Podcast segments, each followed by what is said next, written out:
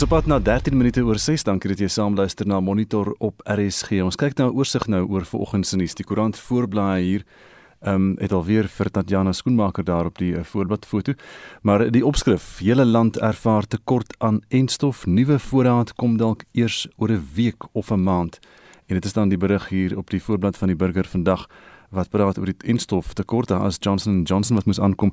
Maar haal hier vir Nicholas Crisp aan. Hy is die adjunkdirekteur-generaal van die departement van gesondheid en hy het nou gister gesê dat die besending van Johnson Johnson wat vandag verwag word sal eers na die naweek uh, beskikbaar wees en uh, daar was 500 000 minder dosisse in die besending Pfizer enstof wat Sondag aangekom het en die skenking van die FSA van 5,6 miljoen Pfizer dosisse gaan eers so oor 4 of 5 dae in die land aankom. En dan is daar weer genoeg Pfizer vir almal. Dit is die uh, hoofberig op die voorblad van die burger. Hier is ook 'n berig wat sê bejaarde vrou slaap dwars deur Kaping buite Woester en uh, dit lyk na 'n interessante storie. Sy is van Kraaifontein. Sy is self Dinsdag aand buite Woester gekaap en sy het deur hierdie hele kaping geslaap. Sy is die 76-jarige vrou. Sy is ongedeerd gevind. Uh die twee verdagtes uh met 80000 rand twee vuurwapens en krydeniersware is hulle toe nou fort. Ehm um, en dit is dan die storie hier op die voorblad van die burger vanmôre. In die noorde van die land beeld se voorblad uh Wiesus bars van trots oor Jasper se leeustoets en dit is die rugby wat die voorblad al hier vanmôre trots en benoud, so sê Elmarie Wiese oor haar seun Jasper wat Saterdag in sy eerste begintoets vir die Springbokke op 8ste man teen die Britse en die Ierse leeu's uitdraf. Die digitale voorblad van Volksblad het plaaslike nuus uit die Vrystaat, um benewens die rugby van Jasper Wiese ook. Vonke spat oor 85 miljoen rand aan taksies. Dis die vraag oor die busdiens en raadslid sê ANC sorg vir sy mense. Die Vonke het behoorlik gespat in die Mangaung Metro Raad oor die 85 miljoen rand wat aan 68 taxi-operateurs uitbetaal moet word om hulle taksies van die roete van Hofmanplein na Brandwag en die universiteit af te haal om plek te maak vir hierdie nuwe Mangaung Metro munisipaliteit Houweng busdiens en die storie oor die busdiens is dan vanmôre hier op Volksblad se voorblad. Die um, voorblad van Business Day berig oor Tito Mboweni se se media konferensie gister Tax Bonanza sê hulle belasting bonanza nie skuld nie gaan betaal vir die 39 miljard rand se noodlenigingshulp. Uh, die tesourier sê dit moet uh, neutraal bly. Hulle sê dit altyd fiskaal neutraal bly. Hulle kan nie ekstra geld bestee nie. En uh, bbc.com met al die wêreldnuus en ek weet nie hoekom nie, maar hier's een wat wêreldnuus haal. Hulle praat van die twisties by die Olimpiese spele wat 'n nagmerrie is vir gimnaste en dis na die Amerikaanse gimnas Simone Biles toe gesê het I'm having a little bit of the twisties. En dit is min of meer die berigte hier. Uh, daar is ook 'n berig uit uh, Bosniese Serviese leiers wat woedend is oor van die etniese Serviese leiers wat die volksmoord uh, ontken en hulle wil nou die parlement boikot as gevolg daarvan. En hier's 'n interessante ene, die rockgroep ZZ Top se basgitaarspeler Dusty Hills is dood op die ouderdom van 72. En dis net so vinnige oorsig dan oor vanoggend se nuus. Gustav, ek kan nie help om te wonder hoe slaap mens deur 'n kaping nie. Ek gaan ja, daai storie ja, nou nou gaan lees maar daar. Hulle moes baie saggies gewerk het. Pierneef se ikoniese kunswerke het van dese week op 'n veiling byna 25 miljoen rand behaal. Nou ons wil vanoggend by jou weet, is skilderye en ander kunswerke vir jou belangrik? Wie is jou gunsteling skilder en hoeveel is jy bereid om te betaal vir 'n kunswerk? Of is familie en vriende fotos op jou mure, is dit meer belangrik vir jou? Laat vir ons weet. Miskien het jy 'n erfstuk, pragtige stuk kunswerk waarvan jy baie hou en vertel ons ook wat is die meeste wat jy nog ooit betaal het vir 'n kunswerk. Stuur vir ons 'n SMS na 45889. Dit kos R1.50 of gaan na facebook.com vorentoe skynstreep ZRSG of WhatsApp vir ons stemnota na 076 536 6961 076 536 6961 17 minute oor 6 by Monitor. Nou Transnet sê aansienlike vordering is gemaak om sy inligtingstegnologie of IT-stelsel weer op dreef te kry en dit is uh, na die groot kuberaanval van verlede week. Transnet het 'n force majeure verklaar en dit nadat 'n veiligheidsbreuk, 'n sogenaamde veiligheidsbreuk in sy Navis stelsel wat hawe vragbewegingsbestuur bedrywighede by die hawens lam gelê het. Transnet sê sekere toepassings sal oor die volgende paar dae teen 'n stadiger pas funksioneer terwyl die monitering voortduur. Nou 'n kuberkraker spesialis, Jacques van Heerden van die maatskappy GTSP vertel wat hy weet van die aanval. Daar's baie spekulasie daar buite, maar wat ons wel weet, soos kyk, daar's baie dokumente wat geteken is dat ons nie mag praat oor dit, maar wat ons mag sê is dat daar wel 'n uh, losprysvirus was wat daar losgelaat was en wat die stelsels so geaffekteer het dat dit nie kan werk nie. So ja, dis maar 'n losprysvirus wat daar losgelaat is. Wie kan moontlik agter die aanval wees? Daar's spekulasie, dit kan ek nie sê nie. Daar's baie mense wat sê dit is die Hello Kitty hacker groep maar weer eens dis net spekulasie op hom. Ek kan nie dit sê ek weet glad nie. En wat wil hulle daarmee bereik? Wat hierdie hackers probeer doen of wat hierdie kuberkrakkers probeer doen uit hierdie losprysvirus uit is om geld te maak. Nou, soos wat ons gesien het in Amerika ook, soos wat hulle met die pipeline, as hulle die pipeline, die oliepipeline afgesit het, moet die maatskappy dan die losprys betaal. Nou in die geval van Transnet, ek sê nie hulle moet die losprys betaal nie, maar as die stelsels so geaffekteer is dat hulle nie kan werk nie, dan moet dit op 'n punt kom en sê hoeveel geld verloor ons teenoor die losprys wat betaal word, is dit nie dalk beter dan om die losprys te betaal om ons IT-stelsels terug te kry nie. En dit is maar wat baie mense doen en daai losprys wat hulle moet betaal is miljoene rande. En dit is ongelooflik baie geld. So wat wil hulle hê daaruit? Geld. Hierdie is regtig net spekulasie of is waar hulle die ekonomie wil saboteer deur die stelsels af te sit. Hoe sterk is Transnet se kubersekuriteit? Sal dit weer kan gebeur? Ja, dit gebeur baie in baie maatskappye waarvan ons nie eens hoor elke dag nie. Ek kan nie sê hoe sterk is Transnet se sekuriteit nie, ek werk self nie op dit nie, maar elke rekenaarstelsel het 'n uh, probleem, hulle het kwesbaarheid en daai kwesbaarheid word geaffekteer. En dit is die stem daarvan die kuberkraker spesialis Jacques van Heerden en hy het met Susan Paxton gepraat. En ons bly by die storie die voorsitter van die Suid-Afrikaanse Vragversenders Vereniging in die Oos-Kaap, Resou Botha, verduidelik wat die impak van die kuberaanval was. Oor die laaste 2 weke met die onrus wat ons gehad het en nou hierdie kuberkraker insident, het ons om en by 12 werksdae binne in die Suid-Afrikaanse hawens verloor. As jy dan nou in ag neem dat daar plus minus 70000 houers weekliks deur die Suid-Afrikaanse houers vloei, dis nou invoere en uitvoere gekombineer. As jy nou kan sien dat die impak is hier om en by so 140000 houers wat potensieel geaffekteer is hierso. En sê vir my, ons verstaan dat skepe eerder verby die hawens vaar, waarheen gaan hulle dan? ja, hulle gaan definitief verby. Ons het hierdie gesien met vlak 5 inperking al. Het ons gesien dat skepe Suid-Afrikaanse hawens verbygaan, dan maak hulle gebruik van die Maputo korridor. Hulle seil Walvis Bay toe en hulle maak gebruik van die Walvis Bay korridor en selfs in Beira in Mosambiek. So dis waar hulle gaan en dan gebruik hulle daardie korridors om die vrag wat oorspronklik of sal ek sê histories deur Durban gevloei het na Suider-Afrika om dit dan na Suider-Afrika toe te vat. Kon julle al die sommetjies maak wat is die ekonomiese impak hiervan? Susan nee, daar's mense wat baie slimmer as ons is. Al wat ons weet is dat ons praat nou net van Transnet, maar die net is net soveel wyer hierso want vir elke ouer skip wat nie Suid-Afrikaanse hawes aandoen nie, is die impak nie net vir die hawe nie. Dis die ou wat 'n trok het en dis die spoorlyn wat besigheid verloor. Daar's depots waar hierdie vrag potensieel uitgepak word wat besigheid verloor. So die impak is dit gaan verlang nie gekwantifiseer kan word nie. Kan dit lei tot 'n tekort aan voedsel en ander goedere?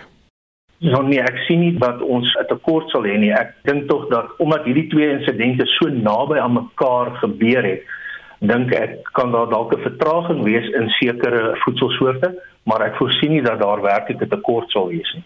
Transinsiële stelsels is weer aanlyn en hulle sal binnekort in volle operasioneel wees. Is daar vir julle aanduiding gegee hoe lank dit gaan wees voor sake na normaal terugkeer? Wat ons wel weet is dat Transnet in Durban is weer operasioneel. Dit is op hulle Navis-stelsel. Dis 'n stelsel wat die fisiese aflos van houers vir ons as 'n industrie gee. Maar wat die ander hawens in Port Elizabeth, Oos-London en Kaapstad betref, het hulle vanoggend vir my gesê dat hulle toets tog die stelsel daarso. So ons is nog in 'n klein bietjie van 'n wag en sien stadium met die ander hawens. En as ons praat van normaal, hoe effektief is ons hawens oor die algemeen? Ek is nie heeltemal seker om die vraag te antwoord oor wat normaal is nie. Ons hawens is effektief. Um, ek dink nie so effektief soos wat ons wil graag wil hê nie. Ek dink dit is redelik wyd in die media ook um, uitgesit dat met die nuutste of die laaste ondersoek wat gedoen was in 350 hawens wêreldwyd, het Suid-Afrikaanse hawens redelik sleg daaruit gekom. So hulle is nie so effektief soos wat ons hulle graag sou wil hê. En so sê Resou Botha is voorsitter van die Suid-Afrikaanse Vragversendersvereniging in die Oos-Kaap.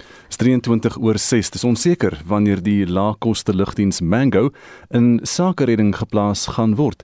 Baie glo dat dit die beste uitweg vir die maatskappy is wat sowat 2,5 miljard rand se skuld het. 'n nou, Sekere vakbonde het maandag by die Gautengse Hooggeregshof aansoek gedoen dat Mango in sakeredding geplaas word. Die verteenwoordiger in die lugvaart en verdedigingssektor van die vakbond Solidariteit, Dirk Mans, vertel wat sy lede se situasie by Mango is. Op die oomblik bevind lede dat hulle vir die laaste 2 maande nie salarisse ontvang het nie, dat daar absoluut geen klariteit is oor hulle toekoms met Mango nie, omrede ook alle vlugte tans gestaak is met alles wat gekommunikeer word met betrekking tot die besigheidsredding aansoek. Wat het julle gedoen want ek verstaan dat ander vakbonde maandag by die hof aansoek gedoen het namens hulle lede dat Mango in sakeredding geplaas moet word omdat die raad nog nie 'n besluit geneem het nie. Ons ondersteun 'n aansoek vir besigheidsredding. Daar's eintlik geen ander keuse nie omrede dit is nou alom bekend en dit word so wyd gekommunikeer in die media in die mediahuise dat Mango omtrent 2.4 miljard rand in die skuld is. Nou daar is onlangs wel 819 miljoen rand beskikbaar gestel via die begrotingswet of die appropriation bill soos wat ons dit almal maar ken. Maar die 819 gaan nie die 2.iets miljard rand wel delgie. So Ons ondersteun die aansoek. Ons het wel met die direkteur-generaal van Openbare Ondernemings verlede week vergader oor hierdie aangeleentheid en hulle was pertinent vir ons gesê dat hulle wel baie die SAL raad vrywillig in besigheidsredding gaan plaas. En hulle het gesê daar is geen ander opsie nie. Die ander opsie is 'n likwidasie aansoek wat sekere akkrediteure geloods het. So ons ondersteun dit en dis was dit nie vir ons nodig om dan so aansoek te bring nie. Wat het die direkteur-generaal van die departement van openbare ondernemings vir julle gesê? Wanneer gaan die mense betaal word? Hulle kan nie daai ons antwoord nie. Hulle het 'n struktuur nodig om dit te doen. Soos ek sê, hulle het net die 819 rand beskikbaar, maar omdat die skuldverwant teenoor wat gegee word so groot is, het hulle strukturele prosedure nodig om hierdie gelde te betaal en die enigste opsie volgens hulle is besigheidsredding. So besigheidsredding moet nou eers goedgekeur word en dan sal die nodige prosedures en prosesse volg om dit dan so te laat gebeur. Hoekom het julle nie aansoek gedoen saam met die ander vakbonde nie? Ons het dit oorweeg en ons het met ons regsdepartement daaroor gesels en omrede daar reeds deur die direkteur-generaal alreeds oor die saak al 'n besluit geneem was, is ons van die opinie dat volgens ons bronne dat die raad wel vrywillig gaan aansoek doen vir besigheidsredding en soos wat hulle gedoen het met SAL nadat ons gedreig het met aksie en natuurlik op 5 Desember 2019 het ons nou vir SAL en in besigheidsreëling geplaas. So ons dink dit gaan wel gebeur en dis hoekom ons nie geloods het. So intussen bly julle lede sonder betaling. Ja, met die ongelukkig en die feit dat alle pligte geskort is, weet ons nie wat die toekoms sal hou nie. Dit was dan die verteenwoordiger in die lugvaart en verdedigingssektor van die vakbond Solidariteit, Hendrik Mans en hy het met Mitsi van der Merwe gepraat. Maar dan hoe lyk ons SMS terugvoer? Pierneef se ikoniese kunswerke het van dese week op 'n veiling byna 25 miljoen rand behaal en ons wil weet is skilderye en ander kunswerke vir jou belangrik? Hoeveel is jy bereid om te betaal of is familie en vriende foto's op die muur meer jou ding? So daar's diegene soos Gerrit Ferreira wat op Facebook skryf, ek dink 25 miljoen rand is belaglik om te spandeer op 'n skildery. Wie dit ook al gekoop het, hoort in die tronk gegooi te word op die klag van verkwisting van fondse. Marita skryf agter op Facebook: Ek het mooi skilderye in my huis. Meeste is deur Paul Potgieter geskilder, maar ek het familiefoto's en die mooiste kruissteek borduurwerk wat ook geraam en uitgestal word. Annetjie Kreur sê ook op Facebook: um, Ek het 'n skildery wat deur my suster geskilder is. Dis baie mooier as Pierneef. Dan al reeds jare teen 'n muur in my huis. Ek verkies kunswerke wat deur familie en vriende gemaak is of wat ek self gemaak het en dis meer persoonlik maar die Brits laat weet ook my ma is 'n kunstenaar. My huis is vol van haar pragtige skilderye. Sy's 84 en skilder nog steeds. En dan op die SMS lyn skryf Samuel Walters: Ek stel nie belang in skilderye en kunswerk nie. Dis te duur en oorbewonder. Ek hang 'n paar familiefoto's teen my mure gratis. Nog iemand laat weet ek het 'n paar kunswerke van ander kunstenaars, maar die res is my eie werk. Ek sien ons het ook 'n paar WhatsApp stemnotas wat ingekom het. Ons gaan 'n bietjie later daarna kyk. Jy kan saamgesels, jy kan 'n SMS stuur na 45889, dit gaan jou R1.50 kos. Kan saampraat op Monitor en Spectrum se Facebookblad, kan ook vir ons 'n WhatsApp stemnota stuur na 076 536 6961.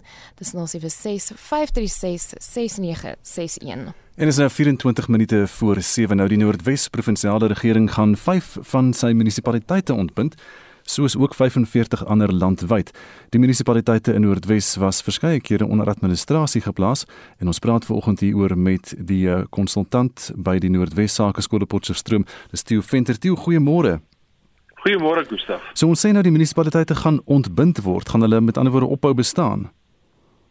Nee, kom ek kom ek verduidelik wat hier aangaan. In die ehm um, onlangse verlede het ons twee ander voorbeelde ook gehad van wat hier gebeur het. Die een was die ontbinding van die munisipaliteit ehm um, in Maluti Apafung, Harry Smith en die ander ene is Standerton. Ehm um, dit is ehm um, alles vind plaas in terme van artikel 139 van die grondwet. Die eerste stap wat geneem word as 'n munisipaliteit disfunksioneel raak, is om gedeeltes van die munisipaliteit onder administrasie te plaas.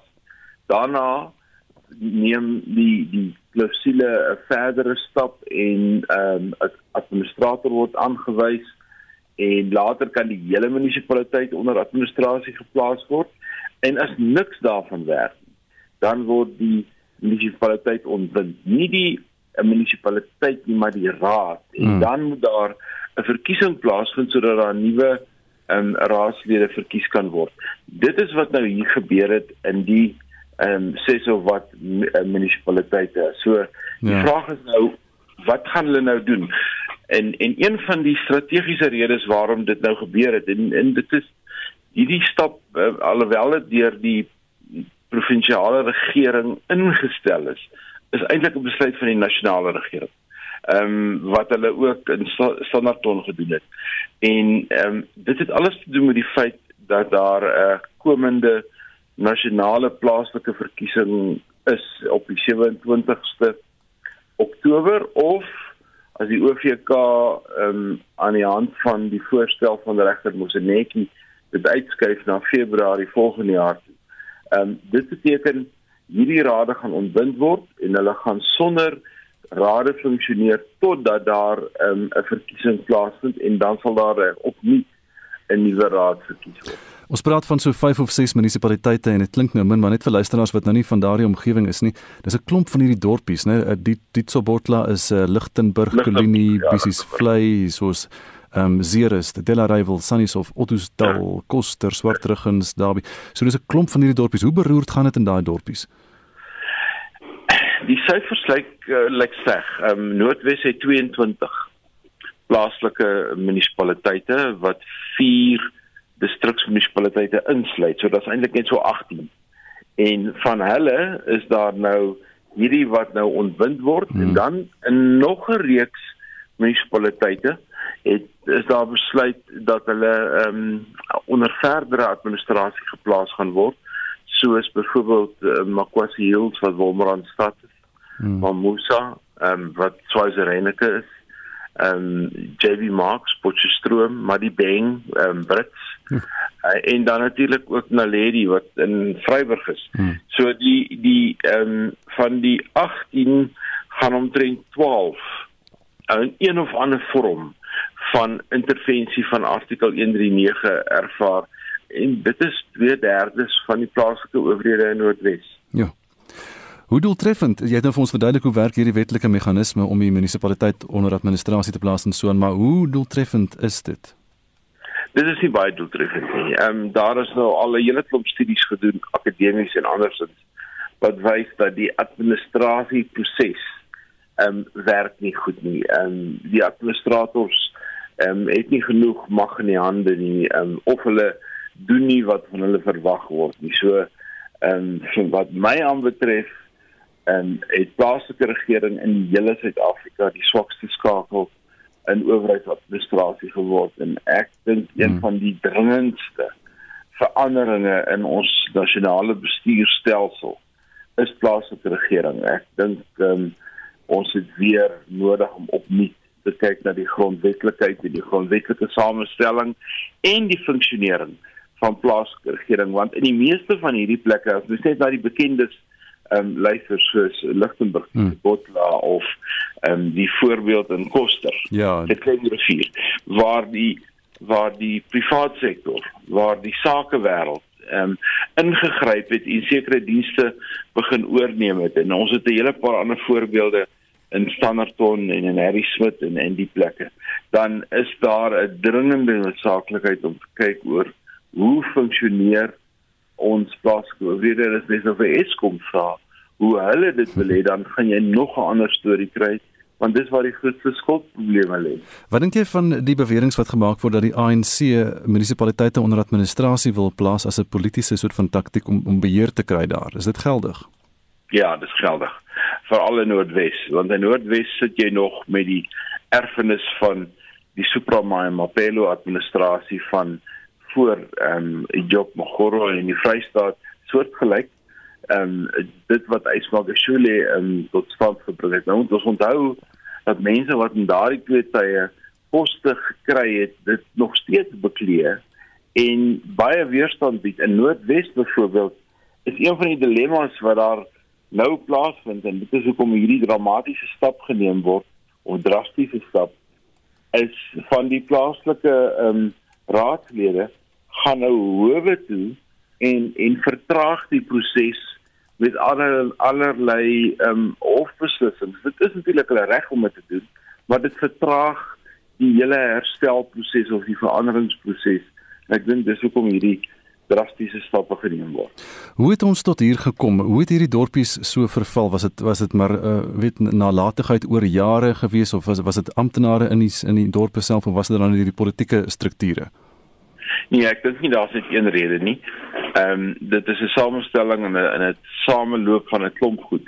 Waarvan wat my aanbetref die belangrikste is die verlies aan kundigheid. Die verlies aan ehm um, institusionele geheue Ehm um, stadsrade funksioneer baie sterk op die ehm um, basis dat mense weet wat om te doen en hoe om dit te doen. En dit word oorgedra van amptenaar na amptenaar en van en en as jy 'n onderbreking kry in hoe amptenare funksioneer en hoe die oordrag van kennis plaasvind, dan begin die verval. Die tweede belangrike rede van die verval is natuurlik kontantvloei. Plaaslike oorhede verdien um, lewer diens teen 'n fooi. As die fooi nie betaal word nie, dan is die stadsraad besig om stadig maar seker agteruit te beweeg en dan in die derde plek is die ehm um, hele deployering van ANC lede in plekke waar hulle totaal onbevoeg was vir die werk en dan ehm um, begin dinge stadig agteruit beweeg en 'n en 'n laaste een is natuurlik die verdorping. Nie die verstedeliking nie, die verdorping hmm. van klein dorpies in die platteland. Ehm um, plase mekaniseer, daar's minder mense wat op plase bly, hulle moet 'n heenkomer vind. En as 'n mens deur die platteland van Suid-Afrika ry, dit sluit nou Mpumalanga in in Noordwes, in die Vrystaat, sê agterkom daar's klein dorpies met enorme populasies wat dit net eenvoudig nie volhoubaar kan bestuur nie. En dit is hoekom ek so sterk daaroor voel dat daar 'n alternatiewe ehm um, struktuur moet kom vir plaaslike owerhede en dat jy dorpies moet kry wat eintlik ten volle hulpbehoevend is van die sentrale regering af en op geen manier hulle self eintlik kan finansier nie. Wat gaan nou volgende gebeur? Wag ons nou basies vir 'n verkiesing eh, die volgende jaar? Ja, ons wag vir 'n verkiesing wel eh, vinniger. Ehm um, hmm. die die huidige die huidige besluit is 27 ehm um, Oktober, maar as ek as ek so die die die die die boodskappe en die en die en die boodskappe in die wind um, en die gange moet lees. Hmm. Luister dan gaan dit uitgestel word na Februarie volgende jaar mits die parlement natuurlik ja sy sy werk kan doen want dit gaan 'n konstitusionele wysiging verg. Hm. Toe baie dankie vir die gesels môre oor die dorpe in Noordwes. Die Venter is 'n konsultant by die Noordwes Sakeskool daar op Potchefstroom. Nou ons is so kwart voor 7 en ons gaan voort met die nuus hier vanmôre. Duisende pasiënte wat behandeling by die Charlotte Mackay Hospitaal in Johannesburg ontvang het, se lewens is ontwrig na die brand daar in April verjaar. Kankerpasiënte kon nie meer bestraling kry nie en van hulle moes elders probeer hulp kry.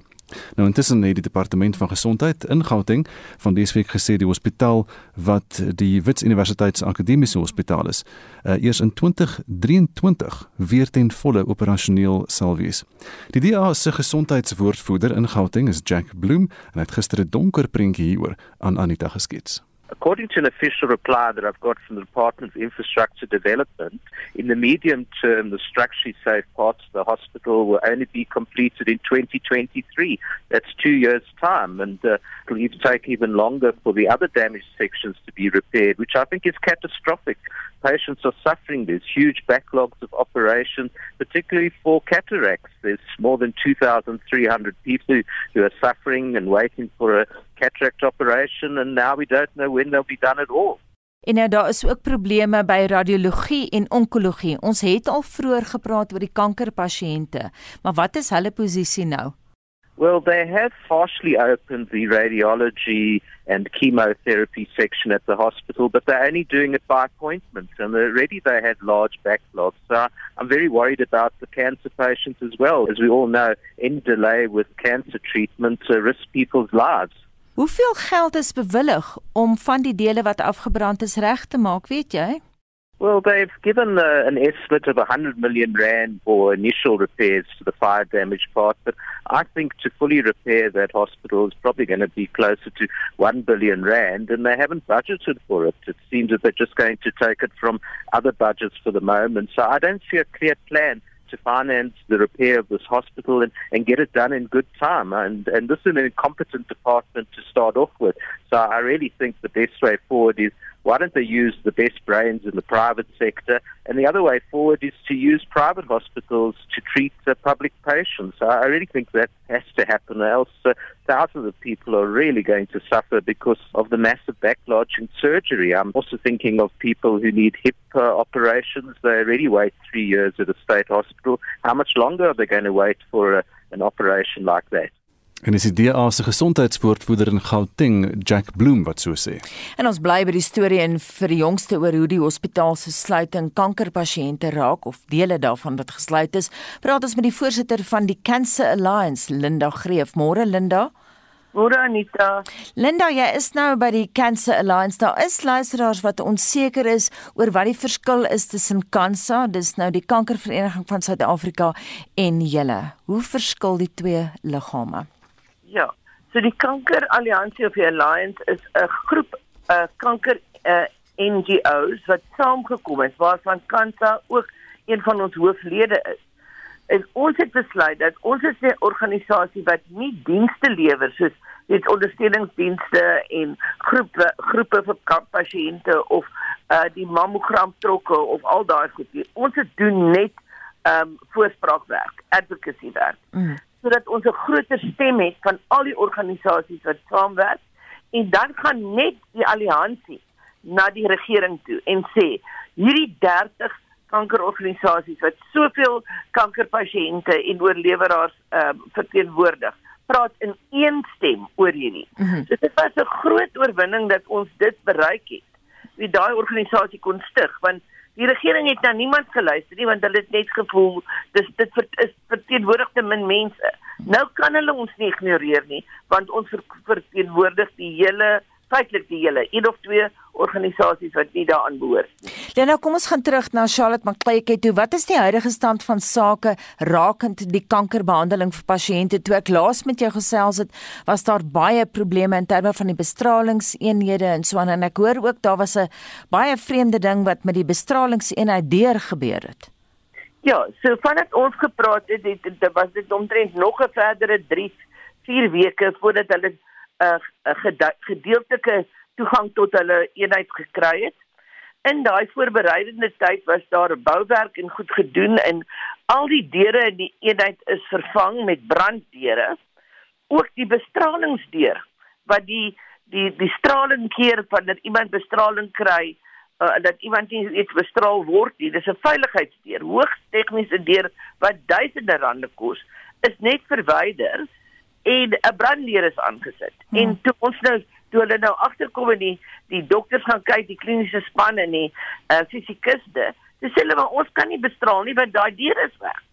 En toe is hulle die deur soek, toe kon hulle dit nêrens vind nie. Hmm. Dis wat dit nog 'n verdere uh, uh, weet jy hoe lank voordat daai deur kom nie, wat bestraling vir nog 2, 3 weke uitgestel het. So 6 weke na ons gepraat het, toe kon die die, die beperkte bestraling wat hulle kon doen nie eens begin nie. So nou is die deur weer aan en hulle bestraal, maar dit is die bestraling is net op een masjien op die oomblik. Daar's vier, vyf masjiene wat nie funksioneer nie. Hulle daar is wel masjinerie bestel, maar dit is nog nie gearriveer nie en dit is nog nie geïnstalleer nie en dan moet dit nog gekalibreer en weer reggemaak word om om om te kan begin. So daar is nog vreeslik baie lang wagtyd en um, hulle sien soos uh, Jack Bloom gesê het net pasiënte op bestelling en die grootste probleem is ons kry nog steeds oproepe van pasiënte wat sê hulle kry nie 'n bestelling nie. Hulle weet nie wat om te doen nie. Hulle kan nie hulle wanneer gaan dit hulle beurt wees. Mm. En hulle angs is oor die feit dat hulle nou al amper 8 maande April, Mei, Junie, Julie, Augustus, September. Ja, amper 5 maande sonder behandeling sit. En elke dag wat hulle nie behandeling kry nie, uh groei hulle kanker en raak hulle risiko vir wel 'n uh, genesende behandeling is nie meer nodig nie. Is nie meer moontlik vir daai pasiënte. Hmm. So hulle gaan hulle hulle hulle lewens 'n 'n 'n tydperk word verkort. En hmm. dit is 'n werklikheid 'n skreiende menseregte oorskryding. Nou ek weet Linda, jy het probeer al baie lank kommunikeer met die departement van gesondheid in Gauteng. Ek self probeer kontak maak met hulle maar hulle reageer nie op uh, uitnodigings om deel te neem aan gesprekke nie. En ek weet julle ten minste een vergadering gehad waarvan ek weet dit sou plaasgevind het op 'n donderdag wat op baie kort kennisgewing eenvoudig net gekanselleer is. Ja, dis reg, dit het presies net so gebeur. En toe ons saam met ehm um, section 27 en ehm um, 'n paar ander mense wat wat direkte toegang het wat hulle het 'n uh, uh, ooreenkoms met die departement van gesondheid. Is dat toe 2 weke daarna wel 'n uh, besoek gebring aan die hospitaal met direkte toegang tot pasiënte en hulle het in die gange met pasiënte gepraat en al die stories wat ek vir jou vertel het en nog erger is het toe daar uitgekom. En daai mense het maande gewag hulle hulle uh, hulle kon nooit toegang kry by Barra tot tot tydelike hulp. Die mense het gesukkel om pynmedikasie te kry. Ehm um, dit ensovoorts. So daai probleem het voortgeduur en daar was toe een vergadering met die ehm um, ministerie ag nee met met Gauteng se ehm uh, so hoof van gesondheid. Maar dit is afgedwing en dit was baie interessant. 'n Dag voor die die akademiese hospitaal bid. Mm. Dit kliniese personeel het almal bymekaar gekom en hulle sou 'n uh, 'n uh, optog reël uh in die strate waar hulle met hulle rooi akademiese toga staan en sê maar hier in gesondheid het ons nou dringende hulp nodig en wat ook al. 'n dag die, die dag toe dit aangekondig word en dat toestemming gekry word vir dit daai dag het die Gauteng uh, minister uh, uh, wel met die met met um, met ons gepraat en toe gesê maar hulle gaan dit nou tydelik oop in want hulle was baie onder druk gewees van almal en toe nou nog die akademici. So ons was baie dankbaar vir die ondersteuning van die akademiese dokters en dokters in daai hospitaal wat regtig vir die eerste keer saam met ons opgestaan het en hulle stem dik gemaak het. Linda laaste ook 'n onderhoud met jou gevoer het was die privaat sektor bereid om te help, maar die staat wou hulle nie betaal vir die dienste aan die kankerpasiënte nie. Hoe staan sake nou? Dit staan presies net nog so. Daar's vier in 'n privaat sektor hospitale wat bereid is of, of, of organisasies wat bereid is om te help. Life uh, um health hospitale, netcare hospitale, die Icon groep wat 'n bestralingsgroep uh, is en en Netcare. O en Busamet. Al daai mense het hulle dienste aangebied. Daar was nog nie eens 'n vergadering met hulle gehou nie. Daar was nog nie eens om 'n tafel met hulle gesit nie. Ons van die alliansie se kant af het hulle nou genader en gevra dat hulle 'n 'n 'n dokument moet saamstel van 'n 'n hoe 'n tipe memorandum van ooreenkoms sou kon lyk rondom die lewering van dienste. Uh want onthou kankerbehandeling is baie kompleks um, as as jy bestraal, dis nie net jy bestraal en dan is dit klaar nie. Iemand word siek terwyl jy hom bestraal mm. en dan moet hy opgeneem word en dan moet hy gestabiliseer word en dan moet hy eers gesond word. So um, en meest baie van die privaat uh, uh, instansies het nie hulle eie hospitaal nie. Ehm um, so daar's baie 'n uh, tegniese goed wat uitgesorteer moet word. Maar om dit te doen moet daar tog gesprekvoering wees en ooreenkomste. Maar daar's niks rondom dit nie. Nou na aanleiding van dit en die feit dat daar net 'n tydelike ag toegang is tot 'n paar vir 'n paar mense vir chemoterapie en bestraling en die feit dat ons weet dat daar geen kanker operasies gedoen word op die oomblik nie, kan jy dink dat die agterstand net groter en groter word. En op grond van dit het ons nou uh, omtrent 'n maand gelede 'n brief weer geskryf vir die minister, 'n uh, direk met almal uh, uh, um, in die depart, nasionale departement van gesondheid ingeseë plus die Gauteng uh, regering se uh, minister van gesondheid. En ons het uh, gevra vir 'n dringende vergadering. En ons het hulle 2 weke gegee om te respondeer. Geen respons nie. Mm. Na dit het ons nou 'n brief weer geskryf na die portfolio komitee die in die parlement en gevra vir 'n 'n 'n 'n spreekbeurt by daardie komitee vergadering en ons het die menseregte oorskryding wat ver bo epidemie gaan in terme van lewensverlies. Mm -hmm. uh, dit aanhangig gemaak en ons het gesê ons hier hier kom groot moeilikheid en die nasionale regering doen niks hier aan nie, die provinsiale regering doen niks aan hier aan nie en ons het ook weer eens vir die menseregte komitee daardie brief geskryf. Linda Linda net op 'n praktiese vlak, wie kan luisteraars bel vir hulp? luisteraars kan die kankervereniging se tolvrye nommer bel 0800 22 en enige probleme rondom dienslewering, uh, gebrek aan toegang, 'n um, 'n uh, uh, medikasie uh, uh, issues, 'n uh, uh, gebrek aan afsprake, al daai goed kan gerapporteer word op daai tolvrye lyn. Ek wil net jy moet hom vinnig herhaal 08 0800 226622. Baie dankie net vir luisteraars wat nie 'n pen byderhand gehad het nie. Weer daardie nommer wat jy kan skakel as jy sukkel om kankerbehandeling te kry by Charlotte Macleke in Johannesburg 0800 double 2 double 6 double 2 en ons het ver oggend gepraat met die voorsitter van die kanker alliansie Linda Greef. En nou gee ons die bal aan na Marlenae wat vir ons SMS terugvoer gaan. Gee Marlenae Ons wil vanoggend hoor na aanleiding van een van Pierneef se kunswerke wat vir 25 miljoen rand eerder ehm um, verkoop is op 'n veiling. Is skilderye en ander kunswerk vir jou belangrik of hou jy meer van gesins- en familiefoto's? Hier's van ons luisteraars se terugvoer op WhatsApp. Familiefoto's, video's en die klasgoed het vir my persoonlik geweldige sentimentele waarde. Daarom hou ek daarvan en heg 'n groot waarde daaraan of kunsversamelaars dieselfde sentimentele waarde heg aan hulle skilderye sal ek nou nie weet nie want ek is nie 'n kunsversamelaar nie maar dit sal interessant wees om te weet of dit wel so is. Ek luister graag. Dis Harry en Hoester. Ehm um, ja ek is nou nie jy's 'n kunsmens of uh, skildery nie Maar uh, fotos ja, definitief familie, gesinsfotos en uh, fotos waar ek al am getravel het met ons orkes en sommer orkeste wat ek al mee opgetree het. Ja, dit is vir my baie belangrik en ek het ook nie 'n plek waar ek ophang nie, maar uh, ek het wel 'n fotoalbum. Fotos is definitief vir my. Quentin hier van Buffelspoort. My geliefde koorste kunswerk is 'n kombinasie van die twee skilderye van my kind, van my vrou en van my familie.